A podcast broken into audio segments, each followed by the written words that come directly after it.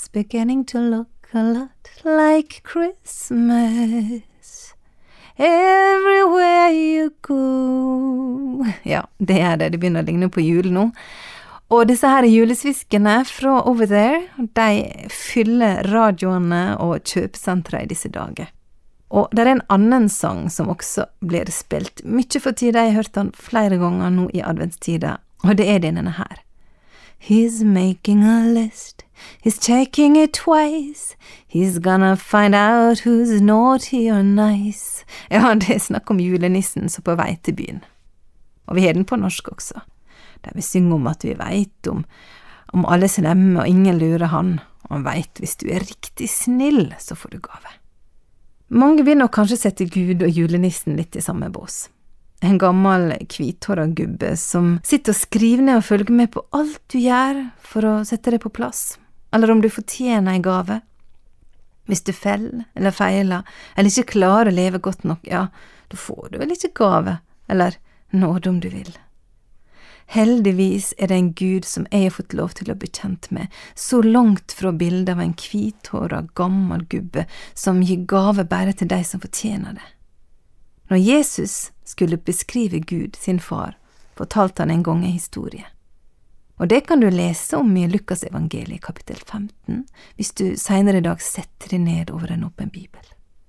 Jesus fortalte om en mann som hadde to gutter. To gutter som nok hadde det veldig godt hjemme hos en god og velstående pappa. Jeg ser for meg ring på fingeren, tegnet på at han hørte til i familiebedriften og kunne ta avgjørelser. Vakre klær i godt stoff, mat, fellesskap og alle gode ting. Men den ene gutten ønska faktisk far sin død, i alle fall juridisk på en måte, for han ville vekk fra det kjedelige, kjente og få med seg mest mulig av verdier. Så Faren halverte formua si ved å gi sønnen sin arven, og for å gjøre ei lang historie kort, gutten reiser langt vekk, og kaster vekk formuen på, ja, hva vi sier det, så floskete piker, vin og sang. Og det går så langt at han ender opp fattig, skjeten, ringen var nok pantsatt for lenge siden kleda i fille, og som jøde så fantes det nok ikke mulighet til å falle djupere enn å ete samme maten som de ureine grisene. Menneskelig sett, hva tenker du, hvor stor sannsynlighet er det for at en far, som på grunn av de ukloke handlingene sønnen din gjør, mister halvparten av formuen din, at han noen gang skulle vise han noe som en slags nåde? La oss sammen lese Jesus sin beskrivelse av hva som skjedde da gutten tok mot til seg og reiste hjem igjen. Det er fra vers 20. Medan han enda var langt borte, fikk faren sjå han, og han fikk inderlig medkjensle med han. Han sprang imot han, kasta seg om halsen på han og kyssa han. Da sa sønnen, Far, jeg har synda mot himmelen og mot deg. Jeg er ikke verd å kalle sønnen din lenger. Men faren sa til tjenerne, Skund dykk, Finn fram de beste kleda og ha dei på han, og lat han få ring på fingeren og skor på føttene. Hent så gjøkalven og slakt han, og lat oss halde måltid og feire.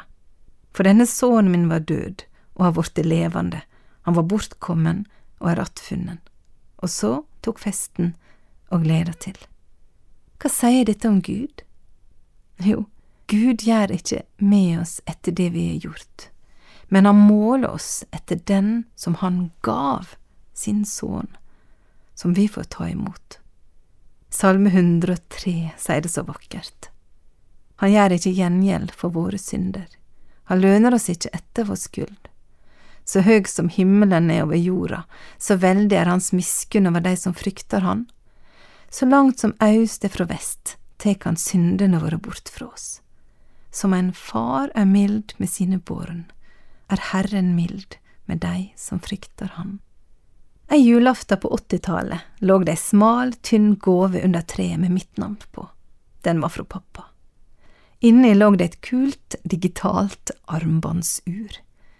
Jeg husker ikke så mye hva som skjedde med det, men som den aktive jenta jeg var som elska å være ute og leke i naturen, så skjedde det at innen året var gått, var klokka også gått. Men 24. desember året etter lå det ei smal, tynn gåve under juletreet. Og ei ny, flott digital klokke fra pappa.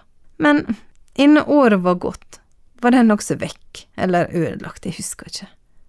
Og som voksen så tenker jeg at jeg hadde nok stoppa der. To nye klokker får være nok.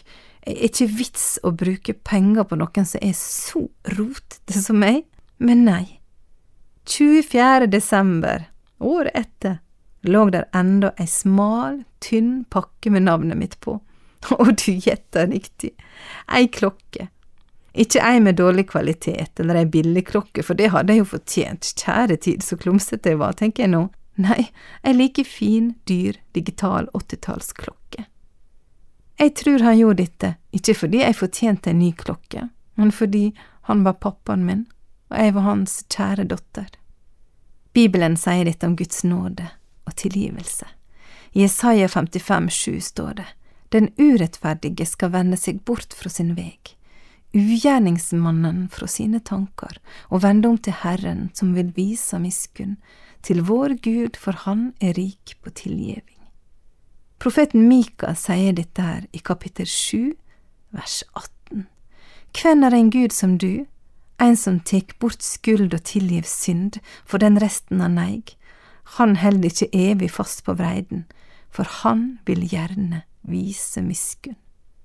Herren skal igjen vise miskunn mot oss og trø vår skuld under fot, du skal kaste alle syndene våre ned i havsens djup.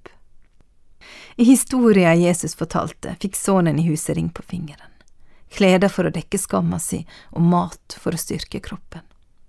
Slik er Gud, igjen og igjen for den sønnen og dattera som kjem med sine nederlag og fall. Og når vi tar imot dine gåver, frelsa i Jesus Kristus, så står Han og venter på oss med åpne armer, gang på gang. Og kjære deg som kjenner på at du denne gangen ikke kan komme tilbake til Gud, du kan. Han venter på deg med åpne armer, om du kommer for første eller hundre og første gang. For ei julegave! fra en kjærlig himmelsk far, som ikke er en gammel, fjern mann med skjegg som skriver ned om vi er snille eller slemme, nei, en som står med åpne armer og sier ta imot. Elisabeth Lillebø Sett delte Guds ord med oss i dag i serien Over en åpen bibel. Den produseres av Norea Mediemisjon, og du finner alle våre andakter inne på norea.no.